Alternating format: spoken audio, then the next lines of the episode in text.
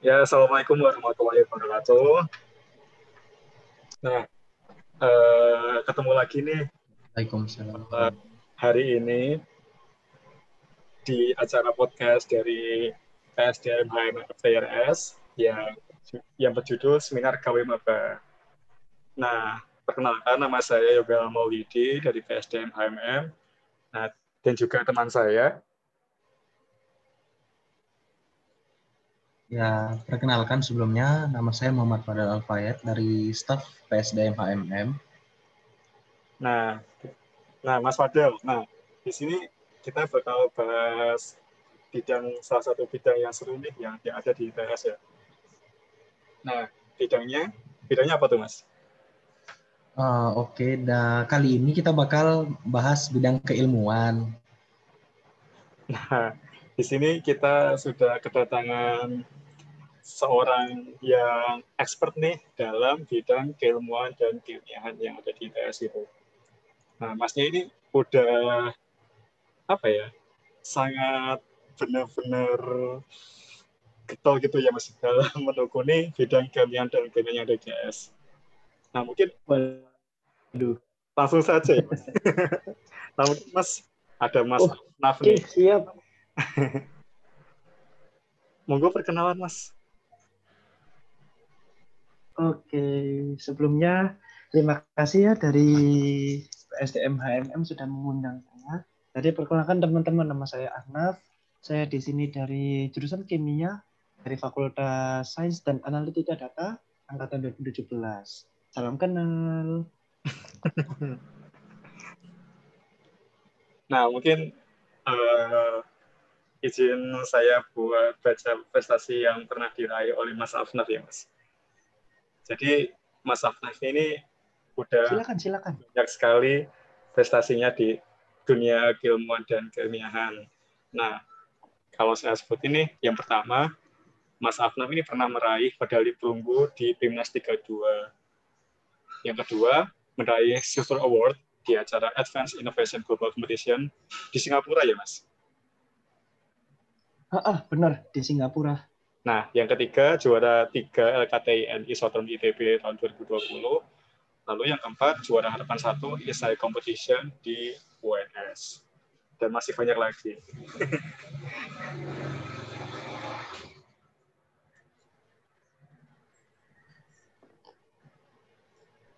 nah, nah pertama nih Mas, eh, kita pengen tanya nih Mas, sebenarnya eh, pengertian bidang keilmuan dan keilmian itu seperti apa sih, Mas? Oke. Ini merupakan salah satu yang kompleks ya. Iya. kalau kita berbicara mengenai pengertian dan definisi pasti itu itu pasti sangat kompleks ya jadi kalau dari pandangan banyak orang ya keilmuan itu adalah bidang yang ditekuni oleh setiap orang dan eh, yang ingin dicapai dan ingin didapatkan seperti itu sementara keilmiahan itu adalah bagaimana cara orang berpandang dan menyelesaikan suatu permasalahan secara ilmiah berdasarkan keilmuannya seperti itu. Jadi sebenarnya dari keilmuan dan keilmiahan itu saling eh, saling berhubungan kayak gitu. Makanya kalau orang berbicara itu apa sih keilmuan dan apa sih keilmiahan itu nyatanya saling melengkapi. Oh. itu. Oh, Berdasarkan definisi tadi. gitu.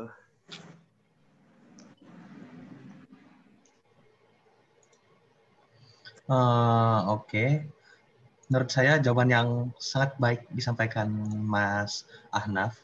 Eh, Mas, saya punya pertanyaan lagi nih.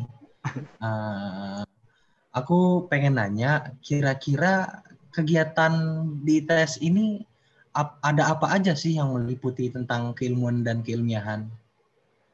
Oke. Banyak banyak sih sebenarnya kalau dari teman-teman itu pengen mengembangkan minat dirinya di keilmiahan. Ada yang pasti kan namanya tim besar ya, tim besar ITS kayak Iya. Wangin, itu dari mesin S1 yang teman-teman HMM pasti lebih tahu itu. Terus ada Nogo Geni, itu yang dari D3-nya gitu ya. Iya, Mas. Terus ada tim-tim lain kayak Electronics, terus yang lain. itu pasti uh, itu salah satu uh, tim yang berminat di keilmiahan. Jadi kalian bisa memperkaya diri kalian itu untuk membahas apa sih minat dari diri kalian itu dan ingin mencoba ke tim-tim besar. Terus kalau kita menyisihkan tim besar, ada tim ada sebuah kegiatan-kegiatan yang lain gitu teman-teman. Jadi bisa ke LKTI atau yaitu lomba karya tulis ilmiah. Terus yang kedua itu bisa ke ISEI jadi isai itu kalian tuh membahas kayak opini dan membahas permasalahan. Jadi kalian menyelesaikan permasalahan itu berdasarkan opini, tapi opini itu didukung dengan data-data maupun ilmiah seperti itu. Hmm. Bedanya kalau dengan LKTI, kalau LKTI itu kita mengerjakan sesuai dengan tabel penelitian yang sudah terstruktur kayak gitu. Hmm. Tetapi kalau di ISAI kalian bisa membuat sebuah gagasan gitu tapi didukung dengan pendukung ilmiah seperti itu. Jadi apakah hmm. kalau menurut ilmiah ini oh ini bisa ini, ini gagasan yang baik, ini bisa diterapkan seperti itu. Walaupun belum pernah dibuat. Hmm. Terus yang pasti dan yang paling penting itu adalah PKM. PKM. Karena di PKM sendiri itu adalah kegiatan hmm. dari Belmawa atau Kemendikbudikti di mana program ini memiliki singkatan yaitu program kreativitas mahasiswa.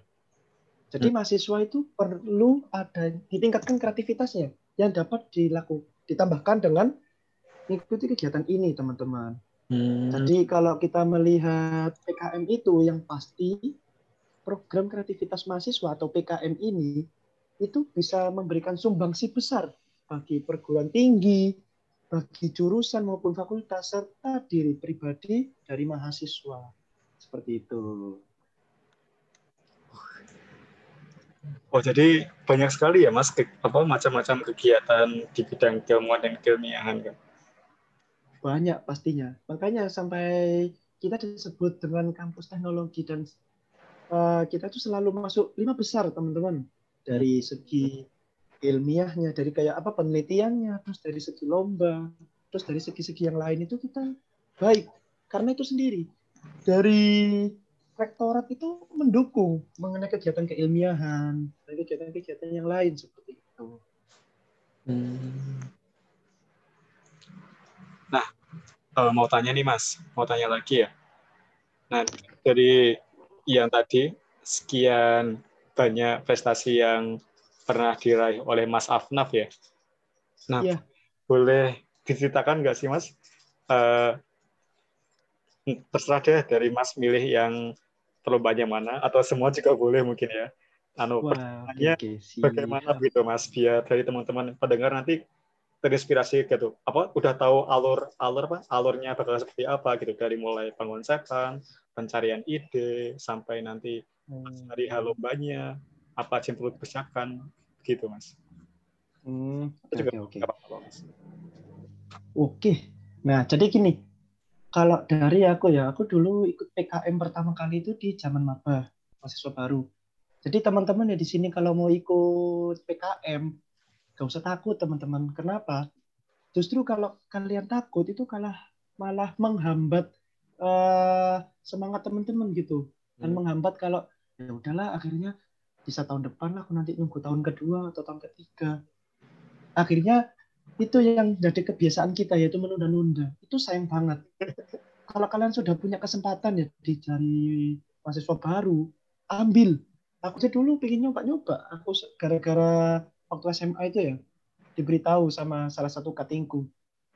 Naf hmm. kamu coba ikut PKM aja gitu. Asik loh. Nah aku kan dulu waktu SMA kan nggak tahu. Ya udah aku akhirnya nyoba. Dan alhamdulillah waktu itu masuk ITS aku iya. tanya-tanya ke cutting PKM itu apa sih? Terus ngapain ngapain aja? Begitu.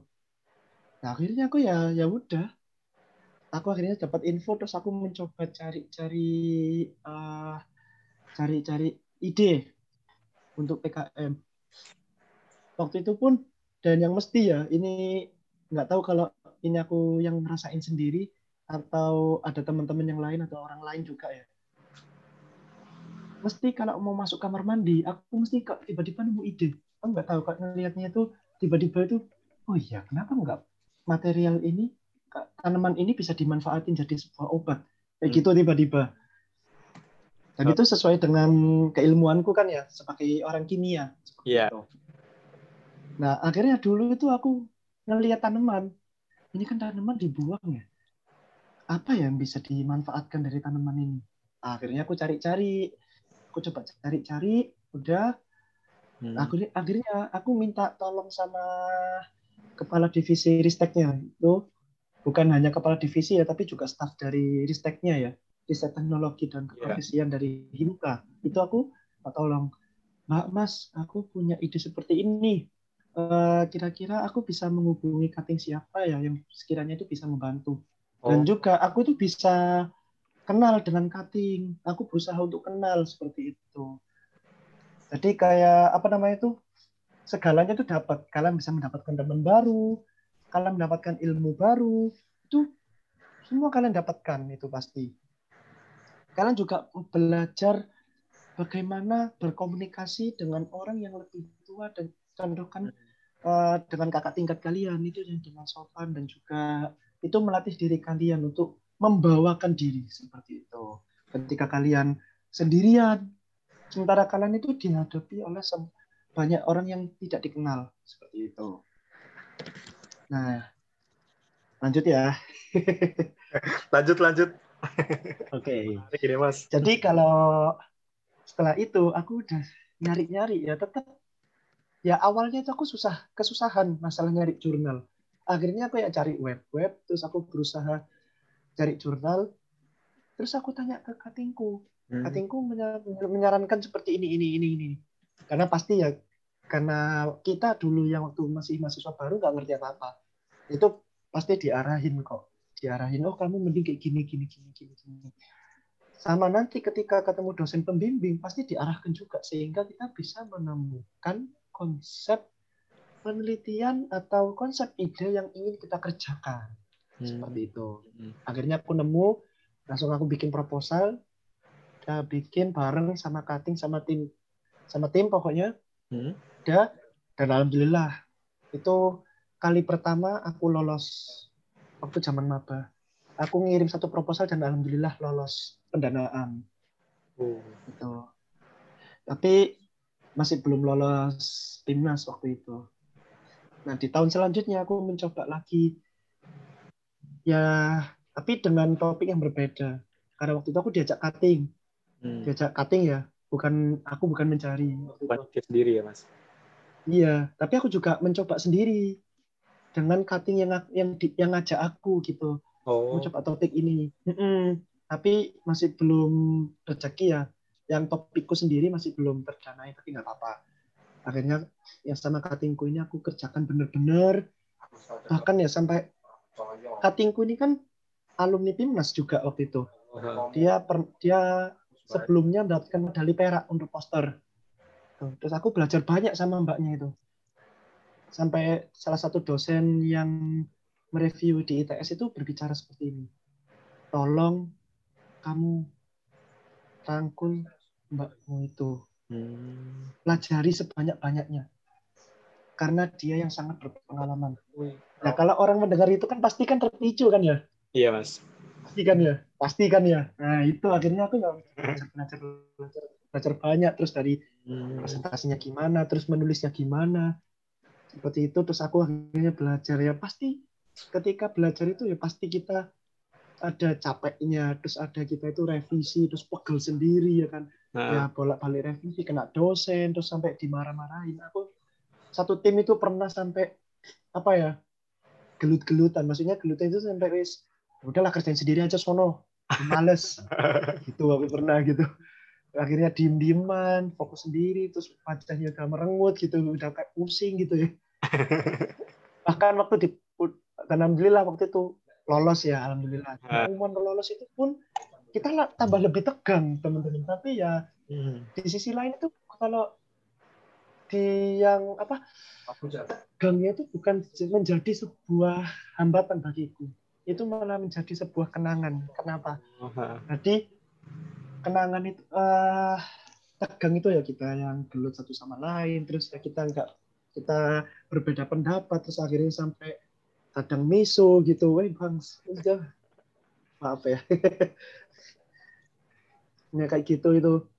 Nah, akhirnya ya ketika kita menunjukkan effort kita itu kita udah effort banyak kita tidur dua jam. Mungkin kalau kalian uh, ya nanti kita nggak bisa ketemu secara langsung ya. Pernah dulu tuh kantung mataku itu besar banget gara-gara tidurnya cuma dua jam tiga jam. Kopi sehari bisa habis tiga sampai empat gitu ngerjain mulu revisi revisi lembur terus mas ya? Iya kopi terus pol.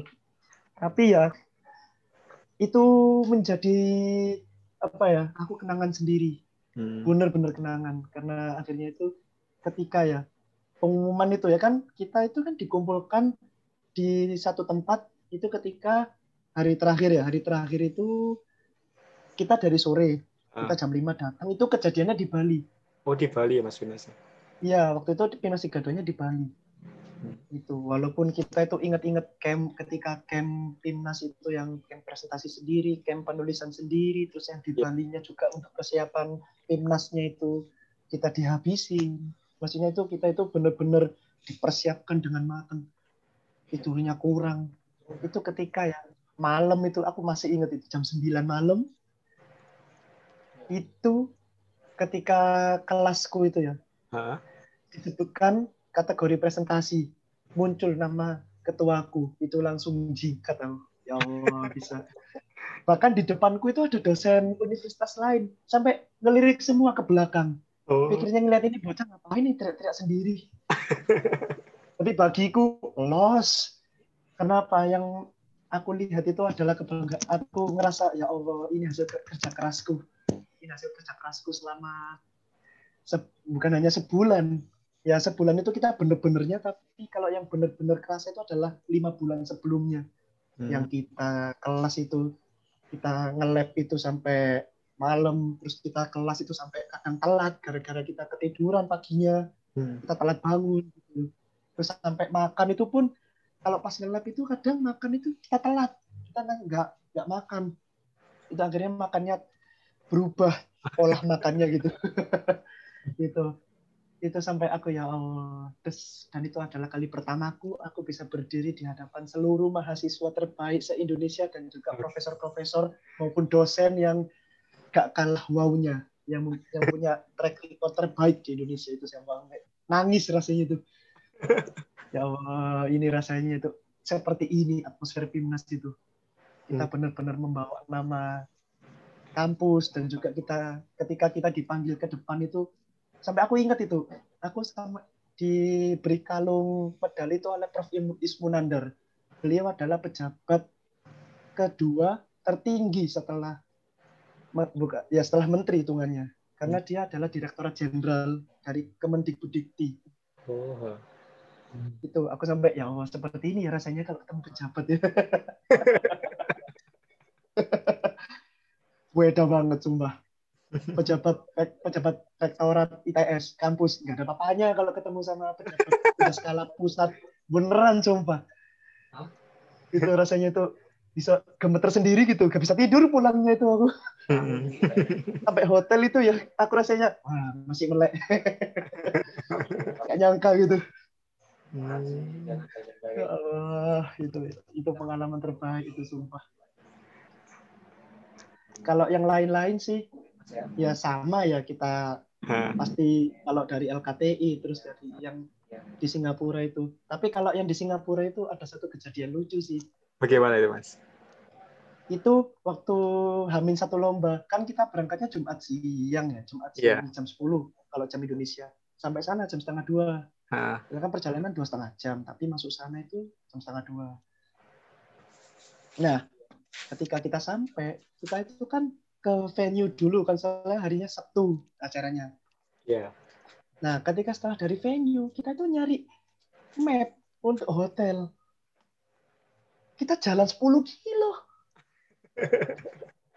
Karena mau nemu hotelnya ini pikir ini mapnya yang salah atau kitanya yang salah jalan. Kita nggak bisa memahami mapnya ya. Uh.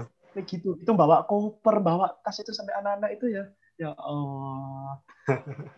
Hari hanya itu ya. Aku itu ya sampai kita ketemu ternyata itu hotelnya cuma ya Allah dari kita turun MRT-nya cuma sekilo doang. kita salah jalan dari awal. Oh. Akhirnya sampai hotel itu jam setengah satu malam. Oh iya, Mas. Seriusan, setengah satu, setengah dua malam gitu pokoknya. Berarti malam itu muter-muter terus gitu, Mas. Jadi kita jalan 10 kilo gitu sekalian kita cari makan udah duduk. Sampai kebetulan itu ada orang Melayu. Kita ya aku masih tahu ya kalau orang-orang Melayu gitu bahasanya. Ah, Ditunjukin di sini di sini sini. Lah, samanya satinya juga akhirnya tam- akhirnya jadi jalan 10 kilo itu akhirnya. oh, Dan alah. sampai ya Allah hari H itu ya. Iya. Kan yang lainnya udah mandi, tapi aku telat bangun soalnya aku udah cuapi banget aku. akhirnya yang lainnya udah udah ganteng cantik. Nah aku bulu sendiri belum mandi. Oh, jadi nggak mandi ke Mas? gak mandi. Cuma sikat cuma sikat gigi doang. Akhirnya sampai sana sampai jurinya tuh heran. Eh what are you, how are you? Um, pokoknya bahasa Indonesia-nya tuh kok kamu kok bisa kayak gini sih? Bilang, aku yang mau bilang belum mandi ya rasanya sungkan. Dia bilang I just stress. Dia bilang gitu aja Oh. I'm very tired aku bilang gitu aja gitu. Ya, tapi sebenarnya banyak sih, tapi kalau mau teman-teman pengen tahu cerita-ceritanya, pokoknya itu ya, mesti kalau aku pengen aku ikut suatu lomba atau kegiatan lah pokoknya, Ya. mesti nemu cerita dan ceritanya itu mesti lucu dan kadang aneh. Mungkin kalau teman-teman mau pengen tahu bisa kayak tanya aja. Kalau hari semalam ini gak bakal habis nih ceritanya.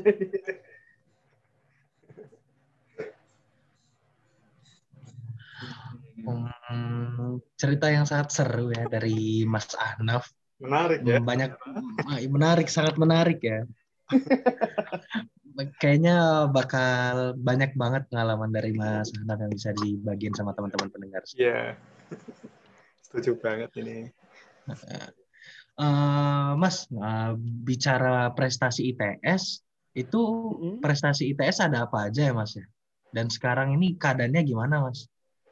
Oh, Buat mendukung nggak sih Mas buat ilmiahnya di ITS itu Mas? Program-programnya dari Tektorat gitu Mas?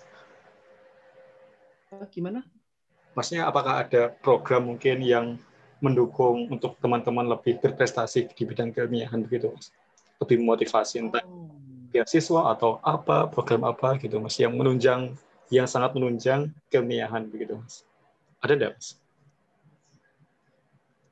Sebenarnya sih ada ya.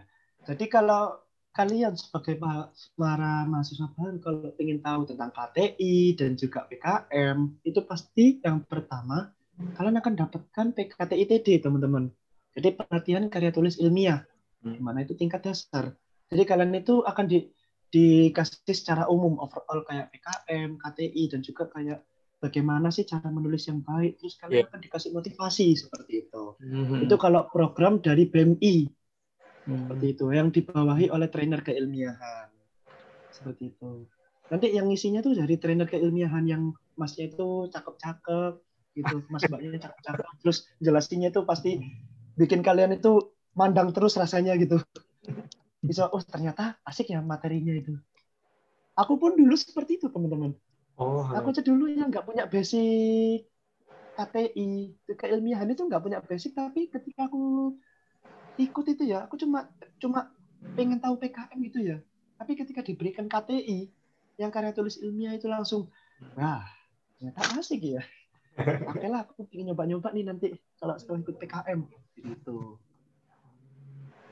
Kalau Terus kalau yang lain program-program untuk meningkatkan prestasi em, sebenarnya ya ikut di tim-tim besar itu itu. Kalau program dari ITS sendiri sih ya sebenarnya oh iya aku baru ingat.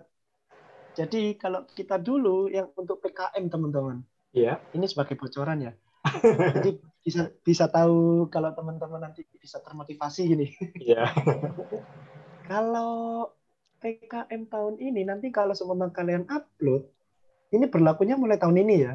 Ya, Jadi kalau semua tahun depan misalnya dari teman-teman 2019 atau teman dari mesin, kalau ingin mengupload proposal, nanti kalian dapat insentif insentif karena upload proposal gitu. Oh. Dapat nanti itu 100 ribu per tim. Tapi itu tidak tahu apakah berlanjut ya. Tapi insya Allah berlanjut. Hmm. Gitu. Terus kalau seumpama kalian nanti lolos PIMNAS itu ada hadiahnya sendiri teman-teman. Oh iya, Mas. Kan kalau seumpama, Heeh, seriusan. Bahkan kalau sama kalian dapatkan medali perunggu, perak, emas, maupun di kategori poster maupun presentasi, Iya. kalian akan mendapatkan hadiah sendiri. Kayak misalnya kalau emas presentasi, kategori emas presentasi, itu nanti kalian bisa mendapatkan dua pilihan teman-teman.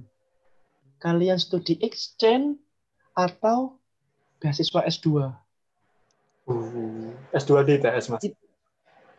Nah itu yang kurang tahu. Yang Oh. pasti sih dapat seperti itu. Apa yang dapat infonya seperti itu. Ih, sangat menarik ya. Ya pasti itu kalau teman-teman yang ingin melanjutkan beasiswa itu yang melanjutkan S2 itu pasti ini wah ini lumayan ini ada golden ticket nih. pasti itu. Dan itu yang apa ya? Yang dilakukan oleh UB seperti itu teman-teman. Jadi kalau seumpama bukan UB, bukan hanya UB ya, tapi banyak universitas yang ada di Indonesia, universitas terbaik yang di Indonesia. Jadi eh, universitas-universitas tersebut itu menjanjikan tidak adanya ini, tidak adanya TA kalau bagi pemenang emas, PIMNAS seperti itu. Jadi langsung auto lulus kayak gitu. Hmm. Tapi katanya kalau di IPS mau dicanangkan seperti itu. Itu menjadi kesempatan teman-teman ini. Duh. Karena mengingat perjuangan untuk masuk timnas itu pun susah banget itu pengalamanku. Hmm. Jadi aku bisa bikin komparasi ya. Iya. 70 ribu proposal yang diupload dari seluruh Indonesia, dari seluruh universitas, itu nanti direduksi menjadi 4.000 proposal. Terus nanti dari 4.000 proposal ini, untuk diseleksi menjadi PIM, untuk lolos PIMNASnya, itu menjadi 400. Bahkan kurang dari 400, teman-teman. Itu. Makanya itu itu itu seleksi tingkat nasional. Makanya eh, PIMNAS itu merupakan kegiatan yang sangat bergengsi dan juga sangat susah. Tapi kalau kalian bisa lolos dan juga in- amin, amin insya Allah. Kalian mendapatkan juara, mendapatkan title, baik itu perunggu, perak maupun emas. Kalian merasakan sesuatu yang berbeda di dalam diri kalian. Kalian bahkan merasa, ya Allah, usahaku selama enam bulan tidak akan sia-sia. Tidak pernah sia-sia ya Allah. Terima kasih bantuannya. Dan juga kalian bisa bertemu dengan orang-orang baru. Kalian bisa mempunyai wawasan baru mengenai dunia keilmiahan. Dan juga wawasan mengenai persaingan ilmiah yang ada di Indonesia. Di setiap universitas yang ada di Indonesia. Kalian akan melihat itu. Dan punya, punya wawasan baru. Pasti itu. itu itu itu yang wow menurut menurutku Waduh, sangat menarik ya. Sekarang semua kita bisa mengikuti timnas dan bahkan menjadi juaranya gitu mas ya. Nggak cuma- amin itu menarik banget tapi juga hadiahnya juga menarik. beneran menarik asli Nah kalau anu mas, kalau saya, saya sendiri pernah dengerin kalau kesatria kesatria 10 November itu apa ya mas? jadi kalau kesatria 10 November itu adalah nama baru dari tim kawal PKM ITS Hmm. jadi kesatria 10 November ini nanti kalian yang di yang ingin mengetahui informasi mengenai timeline pendanaan Hmm. timeline pengerjaan proposal maupun timnas itu nanti yang mengurusnya adalah mereka baik itu untuk segi formatting terus untuk nanti bertemu dosen-dosen ITS nanti di apa kayak review Hmm. dan juga bimbingan dan juga nanti banyak hal pokoknya berhubungan dengan PKM itu nanti diur- diurus oleh mereka Oh. Satria 10 November tuh Hmm. Untuk tahu update-update terkembangnya gitu bisa cek di sosial medianya saja mungkin mas ya. Yoi, jadi kalian bisa ikut sosial medianya di KSN atau Kesatria 10 November. Begitu teman-teman. Karena dari KSN itu dibawahi oleh Ditmawa. Sehingga pasti informasi dari pusat itu langsung datangnya ke tim kawal dulu. Atau KSN itu tadi sebutannya. Oh, begitu.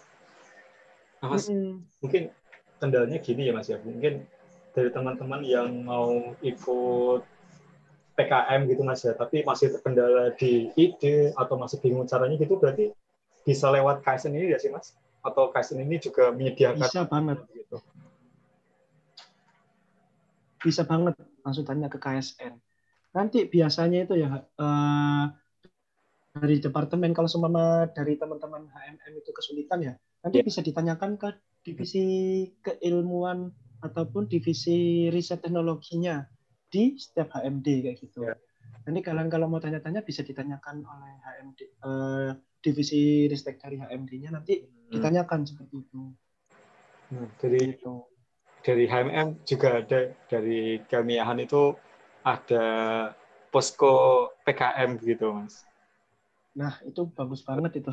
teman-teman yang pengen mengikuti PKM tapi terkendala entah di ide atau bingung mencari anggota begitu ya. Nah, itu bisa nanti Mm-mm. cek di posko PKM yang diadakan oleh HMM FTIRS ITS.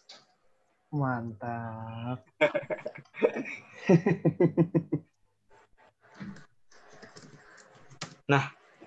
Jadi tadi kan setelah mendengar apa namanya? pengalaman yang cukup mengesankan dari Mas Afnaf ya. Ada tambahan lagi Iya. buat kesan-kesannya begitu. Oke, mungkin Jadi udah ini aku bisa memberikan satu pesan aja ya ke Iya. teman-teman ke siapa pun dari HMM ya. Kalian jangan takut untuk membuat sebuah karya. Yang penting, walaupun karya-karya kalian itu simpel, yang penting karya karya kalian itu bisa memberikan kontribusi pada masyarakat itu. Jadi jangan takut untuk berkarya, jangan takut untuk mencoba sesuatu yang baru. Kalian ikuti sebuah PKM maupun KTI itu adalah sebuah pertanda kalau diri kalian adalah mampu dan juga nilai terbaik. Jadi jangan menganggap bahwa KTI itu susah, PKM itu susah. Jangan. Jadi tanamkan ke diri kalian itu aku bisa, aku bisa, aku bisa. Jadi dengan adanya PKM maupun KTI ini itu memberikan nilai lebih ke kalian. Hmm. Sehingga ketika kalian sudah dewasa nanti, ketika kalian kerja, kalian pasti mengingat, ya Allah, aku ternyata dulu pernah kayak gini, aku kangen masa-masa seperti ini. Itu pasti, so pasti, itu pasti kalian akan merasakan semua itu. Kalian kalian pasti akan merasakan kenangan baru, ilmu baru, teman baru, dan segalanya itu adalah yang baru Hmm. dari kemampuan kalian akan baru seperti itu. Sehingga akhir kata, kutunggu prestasi kalian di ITS maupun nasional maupun internasional. Super sekali.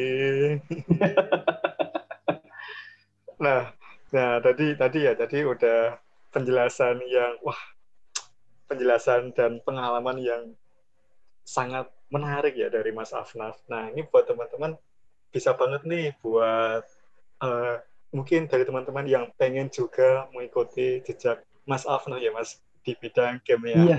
dan keilmuan yang ada di ITS gitu. Nah melihat benefit ya mungkin benefit dan pengalaman yang telah didapatkan tadi. Nah kayak wah rugi dong ya mungkin kalau nggak ikut TKM ya selama kuliah gitu ya Mas. nah ini buat teman-teman. Nah habis ini bakal ada form yang bakal disebarkan oleh PSDM HMM. Nah dari teman-teman yang pengen tanya-tanya nih soal PKM atau apa pun itu ke Mas Hafnaf, nah boleh tuh nanti menuliskan pertanyaan teman-teman di form yang kami sebarkan. Nah, nah nanti insya Allah dari Mas Hafnaf akan menjawabnya begitu ya Mas? Oke, kalau kalian ada pertanyaan, Ya. saya usahakan untuk membalas. Pasti itu. Kutunggu. Kalau ada yang mau tanya-tanya, silakan tanya banyak. Wah, tambah mungkul, tambah seneng aku. Nah, sekian mungkin ya Mas. Terima kasih banget atas kehadirannya pada malam hari ini. Wah, sangat bermanfaat sekali ya. Share pengalaman Afnaf. Nah, mungkin buat Mas Afnaf, sukses terus Mas buat Siap. ke depannya, nah, mungkin ke, ke depannya bakal ikut apa lagi nih Mas? Insya Allah ini kalau ke depan ini mau ikut lomba mungkin ini mau kemarin udah apply di Korea tapi online terus yang ikut di Indonesia online juga. Insya Allah kalau tahun depan rencananya mau ikut yang di Jerman sama di Jepang Insya Allah. Amin. Mas, Amin Insya Allah. Semoga pandemi ini berakhir pengen ngerasakan di sana. Biar offline begitu ya Mas. iya bener. Amin Nah, mungkin sekian dulu. Fadil sepertinya nge-lag, Mas. Iya, tadi diam aja. Tak chat juga. Nah, sekian ya teman-teman. Nah, jangan lupa tetap semangat dalam kuliahnya ya. Buat saya juga. Hmm, siap Eh, semangat buat HMM mantap. Terima kasih. Nah, wassalamualaikum warahmatullahi wabarakatuh. Waalaikumsalam warahmatullahi wabarakatuh. Semangat ya semuanya. Kutunggu prestasi kalian dan juga AMM jadi himpunan terbaik di keilmiahannya. Amin. Terima kasih banyak ya, Mas. Oke, makasih juga ya. Ya, Sudah diundang.